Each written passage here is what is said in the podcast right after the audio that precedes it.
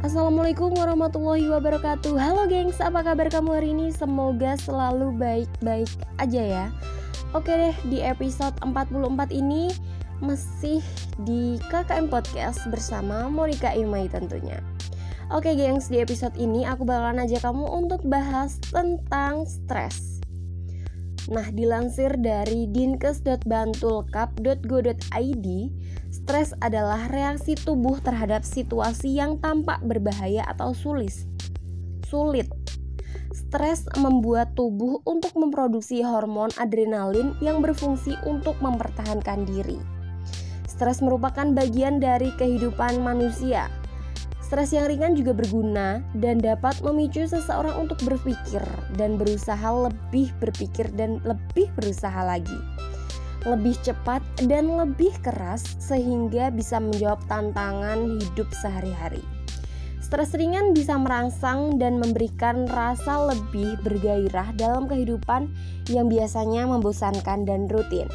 Tapi, Stres yang terlalu banyak dan berkelanjutan bila tidak ditanggulangi akan berbahaya bagi kesehatan. Nah, gengs, gejala-gejala stres yaitu yang pertama, menjadi mudah tersinggung, menjadi mudah marah terhadap teman, keluarga, dan kolega. Yang kedua, bertindak secara agresif dan defensif, merasa selalu lelah, sukar konsentrasi atau menjadi pelupa, palpitasi atau jantung berdebar-debar, otot-otot tegang dan sakit kepala, perut, dan diare gengs. Dan ada juga nih komplikasi stres seperti tekanan darah tinggi dan serangan jantung, sakit mental, histeria, gangguan makan seperti hilang nafsu makan atau malah terlalu banyak makan, tidak bisa tidur atau insomnia, migrain atau kepala pusing, sakit mah serangan asma yang tambah berat, ruam di kulit. Nah, gengs, penyebab stres itu ada berbagai macam, gengs. Disebut dengan stresor. Stresor adalah faktor yang ada dalam kehidupan manusia sehingga menyebabkan terjadinya respon stres.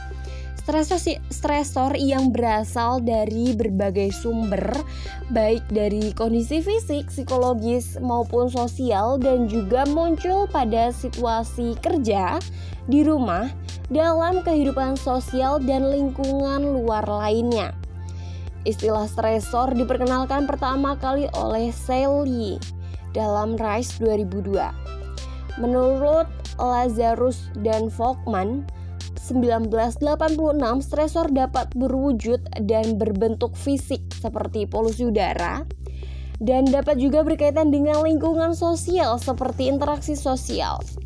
Pikiran dan perasaan individu sendiri yang dianggap sebagai suatu ancaman, baik yang nyata maupun imajinasi, juga dapat menjadi stresor. Menurut Lazarus dan Cohen pada tahun 1977, ada tiga tipe kejadian yang menyebabkan stres. Yang pertama, daily hassles, yaitu kejadian kecil yang terjadi berulang-ulang setiap hari seperti masalah kerja di kantor, sekolah, dan lain sebagainya.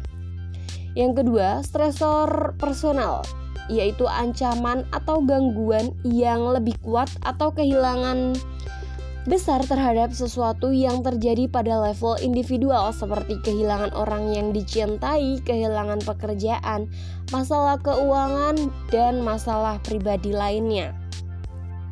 Ditambahkan Fritz Gibson dalam Rahmaning Room tahun 1999, umur adalah salah satu faktor penting yang menjadi penyebab stres. Semakin bertambahnya umur seseorang, semakin mudah mengalami stres.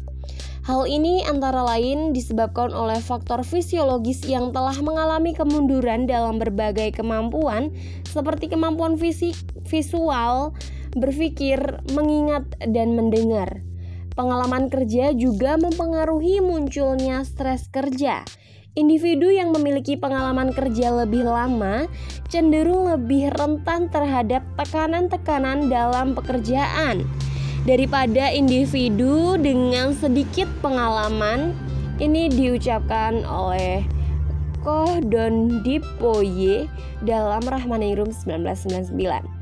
Selanjutnya masih ada beberapa faktor lain yang dapat mempengaruhi tingkat stres yaitu kondisi fisik. Ada tidaknya dukungan sosial, harga diri, gaya hidup dan juga tipe kepribadian tertentu. Nah, gengs, eh, ini sekian informasi yang bisa aku sampaikan. Untuk kurang dan lebihnya kamu bisa cari informasi lebih lanjut kepada orang yang lebih paham tentang stres jika kamu mengalami stres kamu juga bisa konsultasi ataupun luapkan uh, yang ada di pikiranmu untuk mengurangi rasa stres yang sedang kamu hadapi, gengs. Sekian, terima kasih udah dengerin. Mohon maaf bila ada kata-kata yang salah dan kenali dirimu untuk mengenal Tuhanmu. Wassalamualaikum warahmatullahi wabarakatuh.